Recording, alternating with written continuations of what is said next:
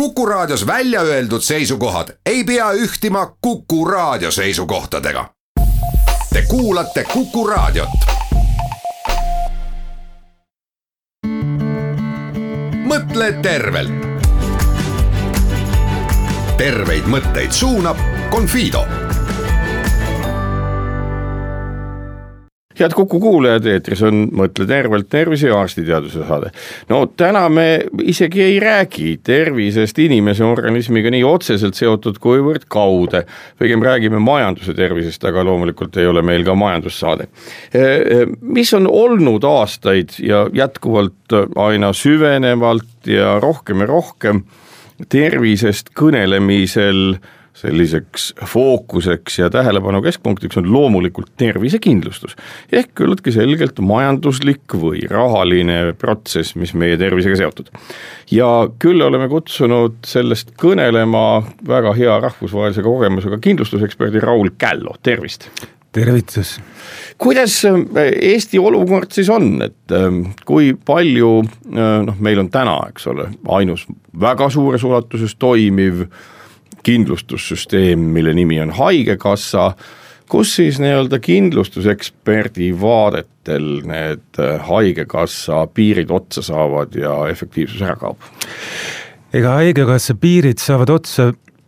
ma arvan, eelkõige meie, meie sellest eelarvest tulenevalt, et, et Eesti keskmine Haigekassa eelarve per töötav inimene on, on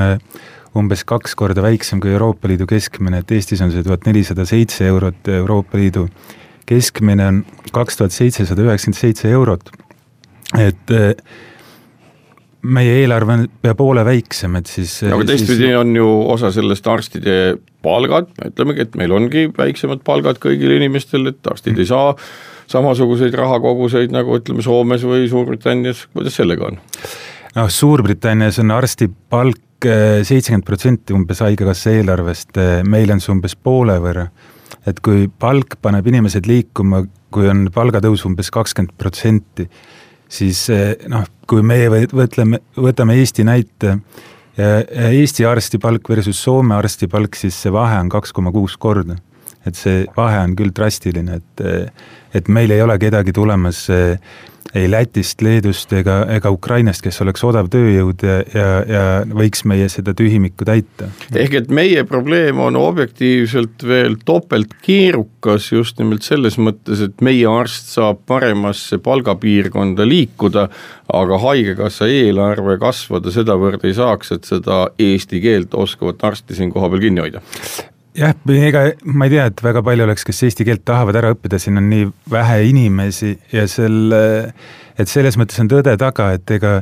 praetaldrik Londonis ja Eestis on suhteliselt sama hinnaga, et ega seal protsenti keegi ei küsi, kui sa maksad, et, et see on protsent palgast, et see on üks ja sama hind, et, et arstidel on muidugi võimalused liikuda. ja Haigekassa jaoks tähendab see seda, et kui noh, mis siis on, ütleme laiemas mõttes, kui mingit majandusimet Eestis ei sünni ja meie eksport ei kasva, ma ei tea, üleöö või üle aasta või üle mõne aasta märkimisväärselt, kui ettevõtete tululis-, tulusus ei tõuse, siis me olemegi sellises nii-öelda olukorras, kus põhimõtteliselt see Haigekassa süsteem, mismoodi ta täna on, kas ta äh, vindub oma viimaseid aastaid või on seal mingit äh, lootustki, et olukord paranema hakkab? ma ei oleks nii radikaalne Haigekassa suhtes, et no me... ma võin olla, ma olen saatejuht, ma saan nii-öelda esitada radikaalseid küsimusi. ja et selle, ma arvan, et selle eelarve piires nad teevad päris head tööd, Eesti Haigekassa, aga, aga eks meie häda on see, et et meil on, meil on nii-öelda protsent, mis meie, meie riigieelarvest Haigekassasse läheb, on kuus koma seitse protsenti. Euroopa Liidu keskmine on jälle seal kümne kandis ja see on SKP-st, et, et see, et selle, selle raames, et noh, jälle nad teevad head tööd, aga, aga, aga koos tööandjatega ma näen siin suurt võimalust, kus seda Haigekassa tööd noh, meie saame ka turgutada. Ja küsin kiiresti seda, eelmisel aastal muutus mingi seadus, kuulajad on ilmselt sellest kuulnud, millega tööandjatel on suurem võimalus panustada töötajate tervisesse, mis muutus see täpselt on? see oli see seadus, mis võimaldab töötaja tervise edendamisse panustada aastas nelisada maksuvaba eurot. sada eurot kvartalis ja, ja seda on lahendatud siis noh, mitut erinevat moodi, mõned ettevõtted on sealt tekitanud sellise sporditoetuse mõned on siis otseselt noh, sõlminud ka mingid ravikindlustuslepingud enda töötajate tervise tarbeks nüüd see nelisada eurot oma olemuses, kui ta on sporditoetus, mis siis tähendab, et tööandja maksab kinni siis mingeid spordisaale või asju või kuidas seda püütakse realiseerida? Äh, siin maksab tööandja kinni äh, spordisaali ja saadab inimesed äh, trenni. et uuringute põhjal see võib olla kuskil kahekümne protsendi lähedale, kes, kes töötajatest siis sinna spordisaali jõuavad et ülejäänud kaheksakümmend protsenti on siis nii-öelda tööandja mõttes rahulolematud nüüd see nelisada eurot inimese kohta võrreldes Haigekassa kogu eelarvega on ikkagi noh, ütleme küüne otsajagu, seda on ju väga-väga vähe võrreldes sellega, mis keskmistatult ühe inimese peale Haigekassa aastas kulutab siis terviseedendusse ja, ja ravisse. Seda on kindlasti vähe, aga see on äh, juba päris suur samm äh, edasi, et, äh, et selle neljasaja euro eest ma arvan, et saab üsna palju ära teha, et, et meie kõikide ravijärjekorrad läheks oluliselt lühemaks, kui need, kui need täna on. Räägime veidi ravijärjekordadest, see on nagu selline maagiline teema. Alati, keegi noh, siin möödunud, möödunud reklaamikampaania käigus, kus igaüks ütles, et mida ta teeb, ka kahekordistab pensionit, lisab pensionile midagi, lühendab ravijärjekorda. et see järgi küsida nüüd äh, kindlustuse poole pealt või terviseökonoomika poole pealt asjatundliku inimese käest, kuidas kujuneb, et tekib üldse niisugune nähtus nagu ravijärjekord ja kuidas siis selline nii-öelda lisaraha ja milline selle kasutus võimaldab ravijärjekorda siis tegelikkuses vähendada? no eks ravijärjekord tekib sellest, et paljud inimesed eh, ravi vajavad, et eh, kui kõik terved oleks, ravijärjekorda ei tekiks eh, ja, ja noh, järjekorrad üldiselt tekivad siis, kui, kui nõudlus on suurem kui pakkumine ja selle põhjus võib olla noh, esimene põhjus on see, et, et alati, et kuidas sinna tasakaal leida, on see, et tuleb tõsta, tõsta hindu, et noh, haigekassa puhul me selle, seda hinnatõusu noh, seal ei ole kusagilt, kusagilt seda raha võtta, see, see ei toimi, aga, aga, aga meil on tasulisi aegu on saada, on riigimeditsiinis ja tasulisi aega on saada erasektoris, et et siis saab ka kiiresti lahti juurde. rääkides, mida tähendab tasuline aeg riigimeditsiinis ja me teame seda, et haiglaid on ju üles ehitatud maksumaksja raha eest erinevate seadmete ja süsteemide soetamiseks on toetust andnud Euroopa Komisjon, Euroopa Liit laiemalt kuidas nagu piiritletakse seda nii-öelda tasulist teenust riigimeditsiinis, kui palju seda seal üldse on võimalik tekitada? noh, eks ikka on, et selle eh, tasuline teenus on see, mida Haigekassa siis ei rahasta oma vahenditest ja need on need vabad ajad, mida eh, noh, nii-öelda kõik haiglad pakuvad ikkagi üsna palju välja, lisaks on meil eratervishoid, mis on eh, sisuliselt kõik tasuline, et osaliselt oli kasutati siin seda Haigekassa tellimust ka, aga, aga, aga noh, peale, peale vist kevadel oli siin suur, suur, suur skandaal selle, selle Haigekassa hankega, siis osa jäid ilma ja osa hakkasid uuesti pakkuma ja, või tulid uuesti turule, et, et eh, tasulisi, tasulist arstiabi on Eestis eh, täna võimalik kätte saada. kui palju sellistes välja kujunenud, no ma ei oska öelda, meditsiinitraditsiooni ja terviseökonoomikaga traditsiooniga riikides on sellist äh,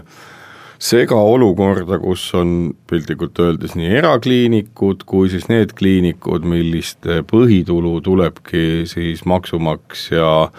solidaarselt makstud maksudest ja siis veel on olemas seesama asi, et äh, erakliinikud võivad aplitseeruda selle maksumaksja raha peale ja vastupidi, riiklikud. Ja maksumaksja raha eest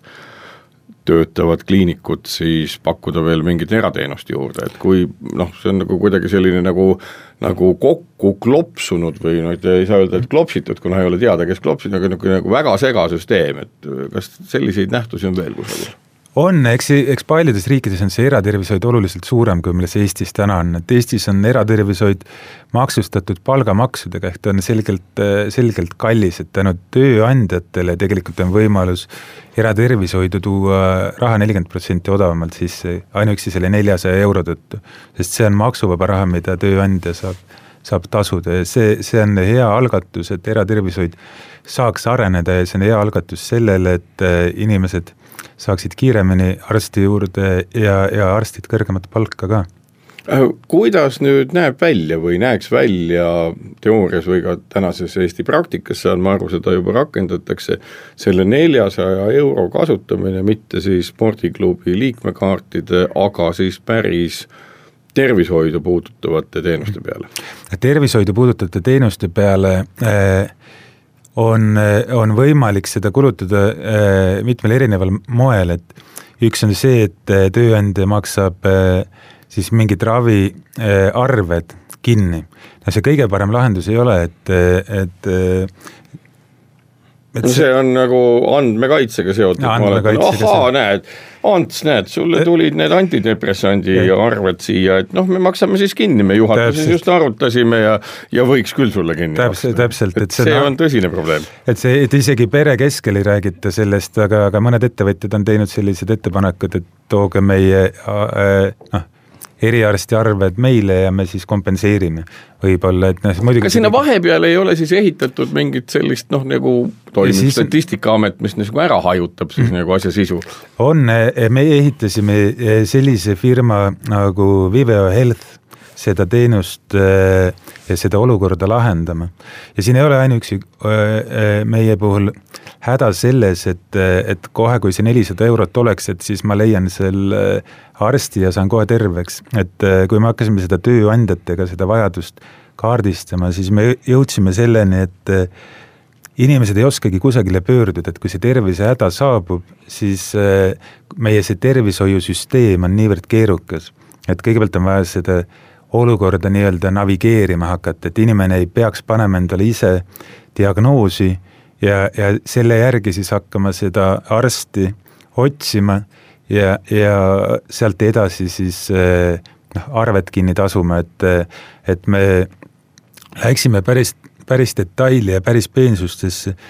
Eesti selliste edukate ja, ja edumeelsete suurettevõtetega, et kus see vajadus siis täpselt peitub ja siis me jõudsime sinna, et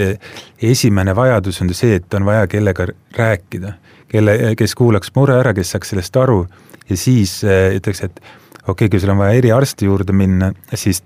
siis ta juba teaks, et kelle poole pöörduda, millal on sellesse vaba aeg. Ja noh, muidugi efektiivsuse mõistes see, et,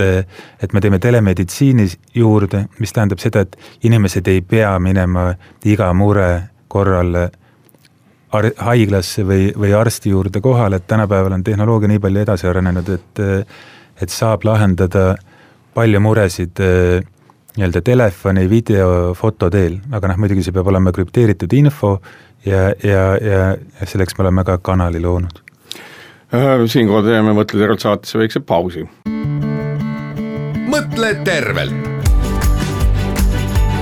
terveid mõtteid suunab Confido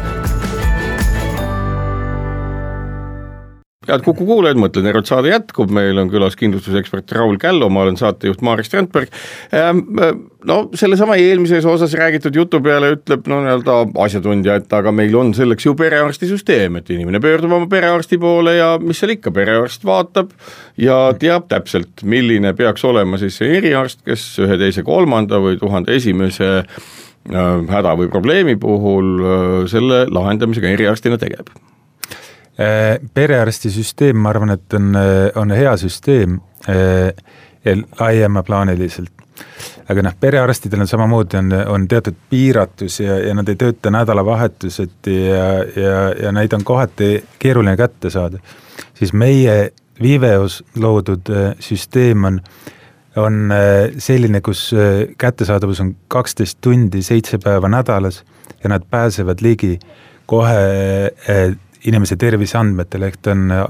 autentitud klient ja selle, selle erinevus perearstiga on see, et meil on ühes kohas koos kõik need vabad ajad pluss videokonsultatsioonid, mille, mille puhul meie maksame selle tasulise aja kinni. me teeme selle, selle eratervishoiu kättesaadavaks kõikidele, kõikidele töötajatele, kellel on hea tööandja. Ehk et ma saan aru, et seesama äh, kas siis, kas see ongi saja euro kaupa kuu, kvartalis või nelisada eurot korraga,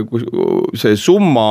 juhul kui nii-öelda tööandja tunneb, et tal on põhjust oma töötajate eest seista, siis sedalaadi teenus on täna Eestis töötajatele kättesaadav, kui nende tööandja seda soovib. Jah, seda Viveo Healthi kutsuti isegi meditsiini Uberiks siin eh, ühes, eh, ühes eh, väljaandes, et et nii see on, et kui töö, kui tööandjal on oluline, et tema töötaja püsiks terve ja, ja ei oleks ei oleks pooltõbisena kontoris, siis see lahendus on täna tegelikult olemas ja, ja, ja täiesti kättesaadav ja kasutusel, et me launch isime selle, selle kuu alguses ma saangi aru, et ega siis nii-öelda sellest eh, rahast tulenevalt inimene ei saa tervemaks, aga ta lihtsalt saab kiiremini ja konkreetsemalt siis võimalikult hea ravi juurde jah, ta saab kiiresti terveks tegelikult. Äh, nojah, see tulenebki sellest, et ma saan aru, ta nii-öelda hinnatakse ja, ja, ja diagnoositakse võimalikult ruttu. just, ja, ja sealt tuleb hästi selge majanduslikult äh, mõõdetav kasu ettevõttele ja inimese tervisele. nüüd üks küsimus, mis eraarsti ja siis selle nii-öelda solidaarse maksumaksja raha peal toimiva meditsiinisüsteemi puhul on, on see, et kui inimene kord astub nii-öelda erakliiniku uksest sisse, siis ka kõik ravidiagnoos ja mis iganes käib tema enda tasku pealt. nüüd juhul, kui ütleme siis nii, et tööandja pakub inimesele seda, kas või seda kiiret diagnoosimise lahendust, siis kas inimesel on selles nii-öelda süsteemis siis ligipääs ka noh, piltlikult öeldes enda ja temaga solidaarsete maksumaksjate poolt makstud siis tervisekindlustusrahale või peab ta ikkagi sellesse süsteemi kord sisenenult kinni maksma ise kõik analüüsid ja raviprotseduurid? seadusega on see niimoodi praegu ette nähtud jah, et tööandja peab siis maksma mõnes mõttes nagu isegi kaks korda seda, või noh, sõna otseses mõttes kaks korda. just, et ta on maksnud selle inimese eest. aga, aga noh, see on, see on selline seadusandlik viga, et, et, et nii Haigekassat kui seda erasüsteemi peab üleval tööandja ja noh, kui, kui kui meie süsteem äh, ütleb äh, sellele töötajale siis, et äh, mine uuesti sinna järjekorda, tekita seda veel juurde, tänu millele need vanemad inimesed, lapsed ja need, need, kes ei tööta, peavad ikka pikemas järjekorras hoidma, siis, siis see on noh, suhteliselt sama ebamõistlik, et kui ma lähen enda ID-kaarti pikendama ja küsitakse, et mis su nimi on. ma ütlen, et minu nimi on, ma ei ütle, mis mu nimi on ja ütlen eesnime, võib-olla ütlen arve ära, sellepärast et selle, selle eh, eh, noh, ma tean seda, kui ma lähen enda dia-, mul on valmis diagnoos olemas, ma ütlen, et andke mulle ravi, ma olen selle eest maksnud, siis nad ütlevad, ei, me tahame sind uuesti diagnoosida, et siis see on umbes sama ajuvaba, et, et, et passilauas peab teine inimene sind ära arvama. kas see on lihtsalt tee selles suunas, et lõppkokkuvõttes on see siis, ma saan aru, noh, mõnes mõttes päris kompleksne ja keeruline küsimus, et see ei ole ju ainult mitte tööandja, vaid ka ma ei oska siis öelda, ütleme, töötajate või nende katusorganisatsiooni, olgu see ametiühing või mingi kollektiivse lepingu küsimus, et kui nagu loogilise jätkuna võiks üks tööandja öelda, et nii minu juures töötavatel töötajatel enam nii-öelda solidaarset kindlustust ei ole, et mina olen ise nende kindlustusmakse maksja. noh, igal juhul ta on, äh, tööandja on, äh, on selle ravikindlustusmakse, makse ühte ja teistpidi, lihtsalt see, see häda on selles, kus tuleb ühe teenuse eest äh, ühe haiguse peal kaks korda diagnoosida. aga seal on ju loogiliselt nagu see probleem, et kui ütleme, see on ka, kui ütleme, et kujutame ette, et see võikski olla tulevikus tööandja valik, et kui ta on äh, maksud maksnud, on see tema ja tema töötajate otsus, kas olla siis nii-öelda erakindlustatud või solidaarselt kindlustatud, et kas seal ei teki nagu teistpidi siis probleem, et kui nii-öelda üks või teine ravi ületab selle konkreetse ühe nii-öelda ühe ettevõtte töötajaskonna pealt makstavate maksude nii-öelda summa, et siis jääb ikkagi ühe suurema tööandjaga seotud nii-öelda seltskond hätta ma arvan, et ega ideaalne süsteem on tegelikult see, kus riik eh, fokusseerib nendele, kes kõige rohkem abi vajavad ja sellele, sellele keerulisemale osale. et, eh, et see, kus tööandja leiab kiiremad lahendused ja lihtsamad lahendused endale, enda töötajad ruttu tagasi saada, et seda ma usun, et et eh, riik peaks soosima ja ma arvan, et soosib ka, et et ma nii drastiliselt seda ei võtaks, et, et täis eralahenduste peale minna, et täiseralahendused on ka päris kallid ja, ja see ei käi väga kiiresti, et, et erateenuse pakkumisse tuleks, riik oleks kaetud eraemode ja taoliste asjadega, et ma usun, et siin peab olema hea tasakaal ja hea koostöö Haigekassa ja erasüsteemide vahel. ehk et pigem on see fookus ikkagi sel mõttel selles, et kui tööandjale antud siis maksuvaba mm, oma töötaja eest võimaldatav nelisada eurot äh, on kulutatud ja selle tulemusena on saadud diagnoosid, et siis pigem nagu sellest infosüsteemist tulenevaid järeldusi noh, nii-öelda see maksumaksja poolt solidaarselt üleval peetud või, või Haigekassa süsteem peaks nagu aktsepteerima, mitte vaidlustama. jaa, muidugi absoluutselt, et see, see on efektiivsuse küsimus, ma arvan, et sellest saavad üheselt aru nii ettevõtjad, ma loodan, et nüüd need eh, erakonnad ka, kes selle, selle valituks osutusid, et ma ei näe, et see probleem seal nii, nii suur on, et see on lihtsalt seadusesse sisse jäänud selline ebakõla tänas, tänases kontekstis, kus me räägime tööandja poolt makstavast tasust. aga see on pelk tööandja või ütleme, pelk ebakõla või seal on natukene ka seda asja, et siis jääb ju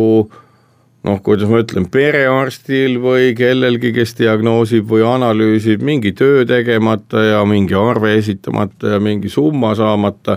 et kui palju nii-öelda selles vastuseisus sellisele noh, ratsionaalsele, kiirele ja erameditsiinilisele lahendusele kiirete diagnooside saamisel, kui palju seal vastuseisus või mittetoimivuses või ebakõlades on küsimus just nimelt selles, et kellegi äh, huve siiski riivatakse. tead, ega, ega ma ausalt öeldes ei ole selles tervishoiupoliitikas nii kodus, kui, kui äh, ma tean nii-öelda laiemas laastus, aga ma tean seda, et äh, erasüsteemidest on täna ikkagi pandud need töötajad, kes on eras alustanud, on leitud viisid, kuidas nad, kuidas nad ravini jõuavad ikkagi selles riigisüsteemis tasuta. et,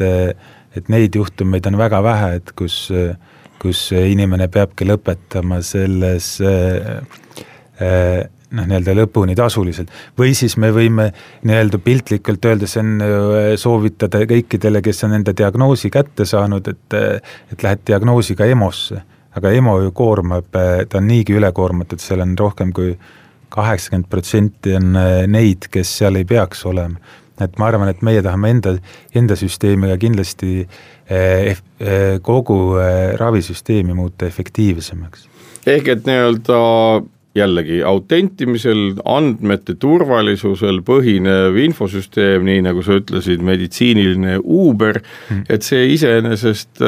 juba parema organiseerituse ja infokäsitlusega on juba ilma erinevate poliitiliste ja administratiivsete võteteta vähendav ja lühendav äh, järjekordade osas. absoluutselt, me võtame need inimesed, kes muidu lähevad nädalavahetusel EMO-sse, me oleme seitse päeva nädalas, kaksteist tundi on äh, Viveo Health kättesaadav ja palju nõu saab äh, sõna otseses mõttes telefoni ja videokonsultatsioonide vahendusel. et ei pea minema alati arsti juurde, et kui, kui Inglismaal on see kuskil kaheksakümmend protsenti, mis saab nõustada äh, telefoni ja video ja, ja, ja telemeditsiini lahenduste kaudu, siis USA-s parem näide on üheksakümmend üks protsenti. et see võtab koormust maha oluliselt äh, nii-öelda isegi noh, kõikidelt haiglatelt ja raviasutustelt. et ma ei tea isiklikult mitte kedagi, kes, kui haigeks jääb, tahaks hüpata bussi peale, käia kümme haiglat läbi ja küsida, et kas teil aega on ja, ja kas mis see maksab ja, ja et äkki ma tulen kliendiks, et, et noh, neid selliseid tervisehädasid, neid on, neid on oluliselt lihtsam ära lahendada tänapäevast äh, nii-öelda meetodit äh, kasutades ja, ja tänapäeval me selle oleme loonud niimoodi, et inimestel oleks äh, väga mugav see kogu see lahendus. Ma just mõtlen seda, et ega ju kui teistpidi vaadata kõikide nende nutiseadmete müüjaid, siis mida nad ju teevad, eks ole, et nad uhkustavad oma seadmete helisalvestuskvaliteedi üle, selle üle, kui detailseid fotosid ja filme üks või teine masin teeb, ehk et kõik eeldused selleks, et telemeditsiini vahendeid kasutav diagnoosiv arst saaks võimalikult detailse pildi mingist lööbest, muust asjast, et see on täna kõik olemas? see on täna täiesti olemas, et, et seda kasutatakse eh, igal pool maailmas juba päris palju ehk et nagu seda probleemi, et oi-oi, et noh, jaa, et loomulikult pildi kaudu, aga ikkagi see vahetu kogemus, et see, selle, selle vajadus on siis, ma saan aru, reaalselt umbes kümne-viieteistkümne protsendi. isegi ütleme, võib-olla ütleme Inglismaa näitel kahekümne protsendi juures, aga, aga tihti on see ja, et kui sa saad hea nõuande, et mine eriarsti juurde ja, ja, ja sul on juba siis kaasas äh, analüüsid, sa saad selle, selle kohe alustada noh, ravi või selge diagnoosimisega, tihti on see, et äh, inimene jõuab eriarsti juurde siis eriarst ütleb, okei okay,, mine tee see analüüs ära, et noh, see, see koormab eh, kogu seda süsteemi, et ma arvan, et süsteemi efektiivsus on see, mille abil eh, nii-öelda Eesti inimesed saaksid oluliselt tervemad olla no on teada, et apteekidest võib igal pool erinevates maailma kohtades osta kõikvõimalikke biokeemiliste või geneetiliste analüüside noh siis komplekte või kitte, nagu nimetatakse, noh, oma genoomi analüüsida lasta sugulussidemete, rännete, mingite häirete osas ja on ka muid, eks ole, millega on võimalik siis noh, ma ei tea, kas nüüd otse vereproovi võtta, aga võib-olla ka midagi sellist. Et kas ka selliste noh, nii-öelda eneseanalüüse võimaldavate lahenduste rohkem kasutusele võtta, noh kuna ütleme taustaks ju, meil on kõikvõimalikke kullerteenuseid, et noh, nii-öelda mm, kas siis robotitega või ilma ja tulevikus me ei kujuta ette, kui palju. et kas selline nii-öelda teenuse osa või teenuse täiendus ka nagu on nähtavalt kasvamas Eestis? selgelt on kasvamas, et ma vaatasin seda Eesti jätkusuutlikkuse eh, ja innovatsiooni indeksit eh, meditsiinis ja ja seal oli, oli ja kahjuks oli nii, et see väga jätkusuutlik antud sama süsteemi jätkumisel ei ole ja innovatsiooni koha peal oli seal, seal praegu noh, skaala peal oli null. aga, aga kindlasti on, on see kõik Eestisse tulemas, et meie enda platvorm juba võimaldab inimesel saada palju paremini aru, milline tema tervislik seisukoht on, millised on seisukord on, millised on tema head ja hal-, halvad harjumused, mida ta peaks muutma selleks, et, et tema tervis oleks oluliselt parem. et me digilahendustega me selgelt eh, tahame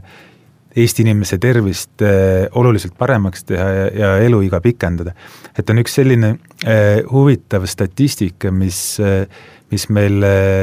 Tervise Arengu Instituudi vahendusel on, on meieni jõudnud on see tervena elatud äh, aastad ja kui me vaatame Eesti tervena elatud aastaid, siis äh, Eesti inimene on üheksa aastat vane, äh, rohkem nii-öelda haige või tervisehädaga kui Euroopa Liidu keskmine. et see on päris pikk aeg ja selle, selle, et see on, mida me tahame lahendada, kindlasti on äh, suur häda veel selles, et meie keskmine eluiga on ka kolm aastat lühem kui Euroopa Liidu keskmine. Need tulenevad üldiselt sellest, kui eh, noh, kui kättesaadav see, see ravi on ja kui, kui eh, terviseteadlikud need inimesed on. et noh, muidugi seal on palju ennetustööd ja kõike taolist, taolist, mida riik peab tegema, et, et inimeste tervis parem oleks. siinkohal teeme saatesse väikse pausi mõtle tervelt. terveid mõtteid suunab Confido head kuulajad, Mõtle tervelt saade jätkub, külas äh, Viveo Health äh, juht ja kindlustusekspert Raul Källo, mina saatejuht Marek Strandberg, räägime tervisekindlustusest, meditsiini rahastamisest ja muust asjast. no ega eelnevalt jutuks olnud andmete kasutamine ja nii edasi, nii edasi, noh, paljud arstid nii-öelda poolmuigamisi muidugi ütlevad, et nojah, et ega, ega igal inimesel ongi ju kasutada doktor Google, kus nad võivad nii-öelda oma arvatavaid tunnuseid äh, võrrelda kõikvõimalike diagnoosidega ja saabudes siis arsti juurde, on nad vahel targemad kui arst isegi. Aga ma saan ikkagi aru, et ega infosüsteem, kui ta on assisteeritud, kas siis nii-öelda pärisintellektiga mõne arsti poolt või siis ka ma kujutan ette tehisintellektiga, on äh, diagnoosimisel ja patsiendi jaoks nagu olukorra parandamisel päris omal kohal. absoluutselt, täna on äh, tehisintellekt viidud päris täpseks, et on esimesed äh, nii-öelda tehisintellekti botid, mis, mis ütlevad, et nende eksimus on oluliselt väiksem kui arstide eksimus. aga mis nende sisendiks on siis sel juhul, ka si kõik analüüsid või lihtsalt nii-öelda äh, selle sisend... patsiendi vaatlus? ei, sisendiks on üldjoontes äh, äh, hästi suur hulk äh, seda äh, andmemahtu ja analüüse, mis äh, äh, nii-öelda iseõppeplatvormidele on selgeks tehtud ja siis äh, sellest tulenevalt äh, tekib äh, ütleme, kogu see jada tekib samamoodi, nagu arst seda küsib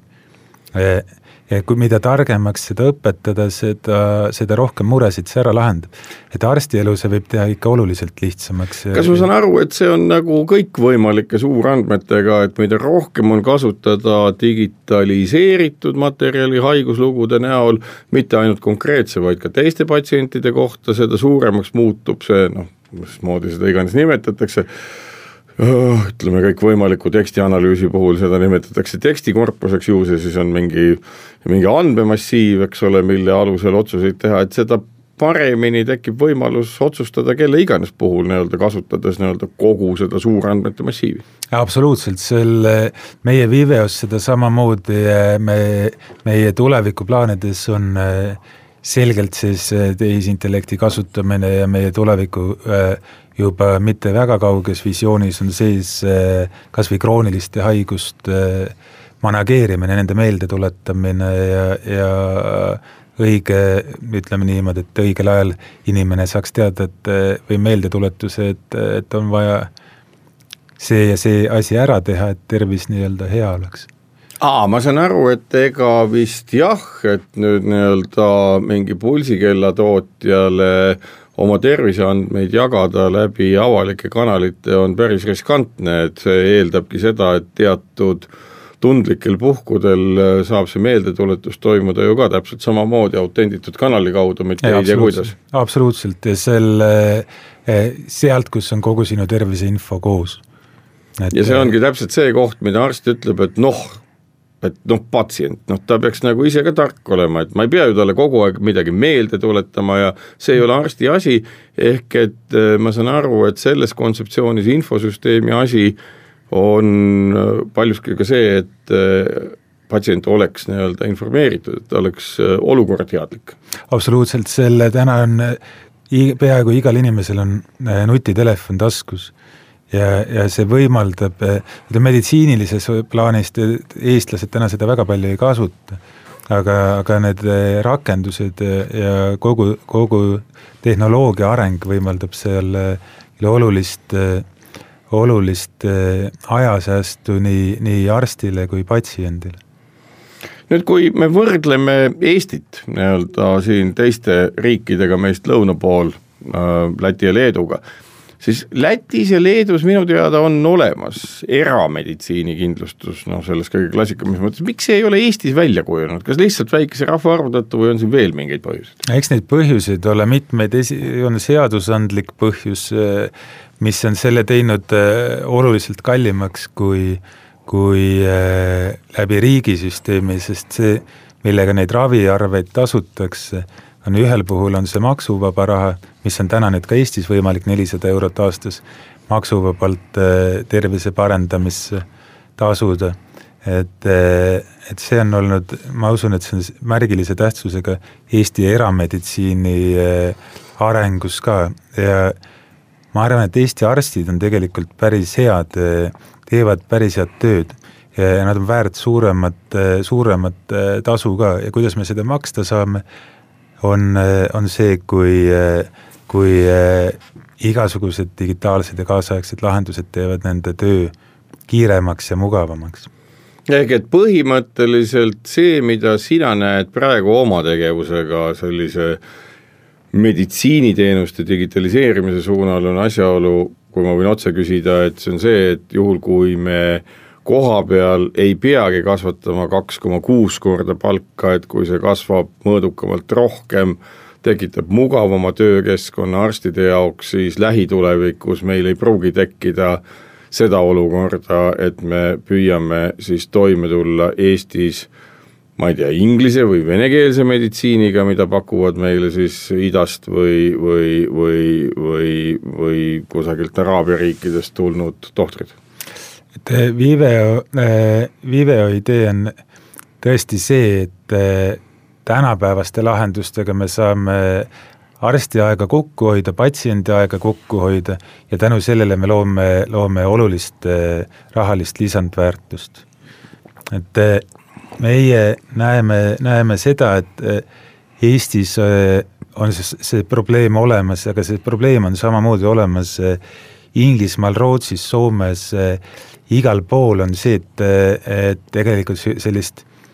ana-, väga head, väga head kohta, kus äh, kus nii-öelda kõik vabad raviajad äh, kokku saaksid ja patsiendid, patsientide nõudlus ja arstide pakkumine ühel platvormil kokku saaksid, et ega seda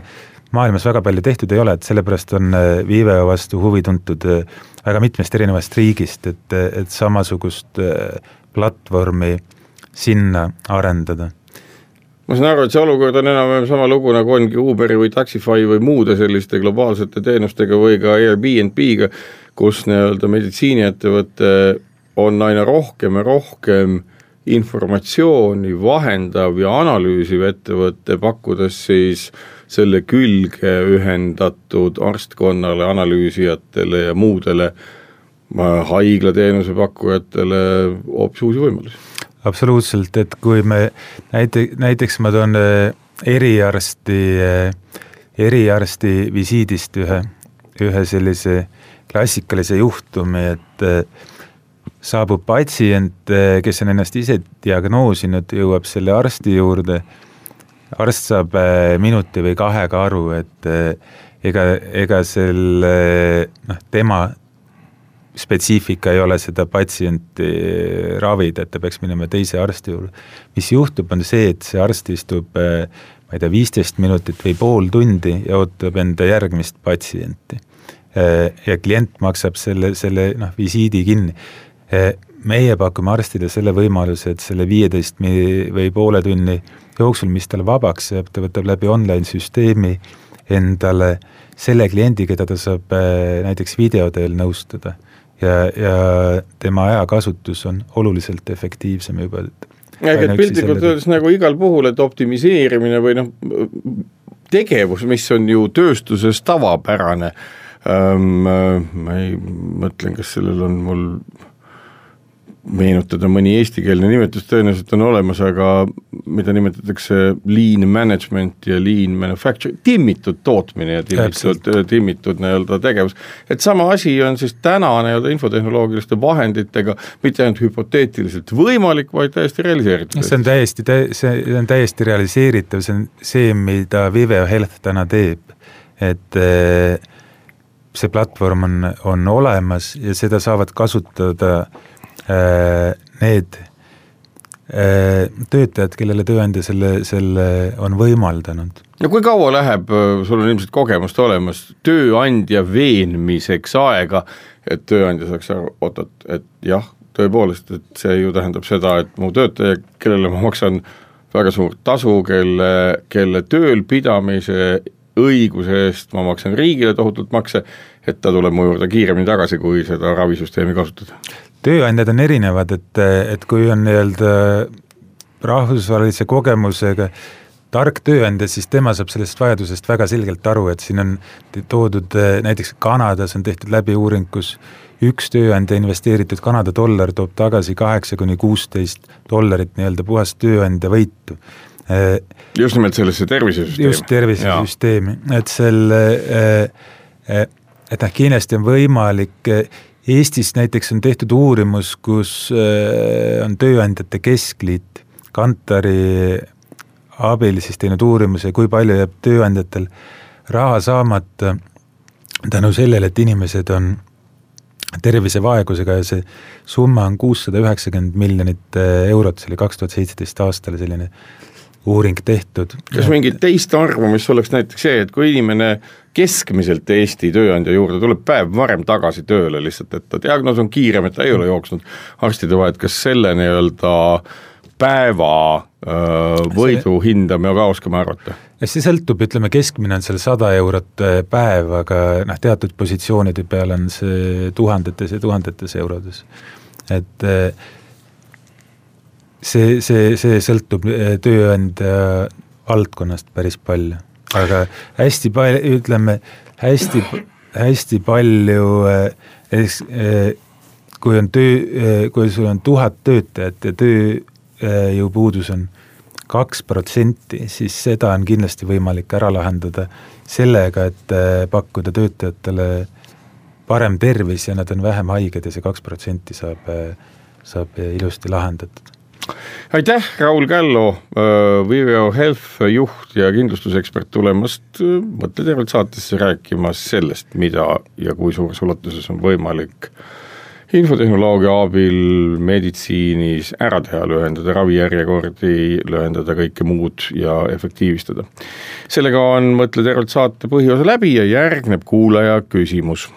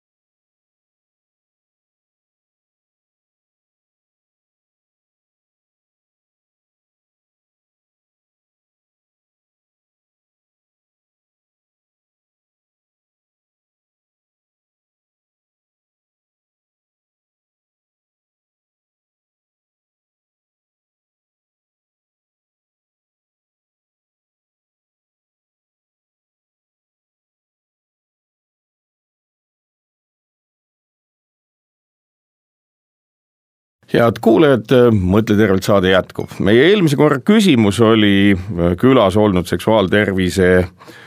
kasvatusega tegelevate inimeste poolt soovitatult äh, küllaltki lihtne. Ja nimelt see, et kui pika aja jooksul jõuab keskmiselt mees ja kui pika aja jooksul naine orgasmini. vahe on drastiline, nimelt mehe puhul võtab aega viis minutit, naise puhul kolmkümmend minutit. Ja see on ka hinnanguliselt põhjuseks, miks väga sageli teist poolt tähele panemata jõutakse lahkuminekute või lahkukasvamisteni. õigeid vastajaid oli meil kolm, Peeter, Anna ja Juhan, kellega siis ka kõnealuse veebisaidi pooleaastase külastuse saamiseks ühendust võetakse. nüüd tänase saate teema peale on meil ka üks küsimus meie tänane küsimus kuulajatele on see, et milline oli maailma esimene äh, tervisekindlustussüsteem, mis teadaolevalt kasutusse võeti ja kes oli selle kasutusse võtja. vastused saate saata aadressile motle tervelt at kuku.ee või mõtle tervelt saate Facebooki kodulehekülje sõnumitesse. sedapuhku on õigelt vastajate vahel välja loosimisel auhind, milleks on raamat, mille paneb välja Viveo Health. meditsiinikindlustus ja digitaalettevõte, sellega on ka mõtle tervelt saade sedapuhku lõppenud, mõelge siis tervelt, tundke ennast tervena ja olge terved ja kuulake meid jälle täpselt nädala pärast. mõtle tervelt. Terveid mõtteid suunab Confido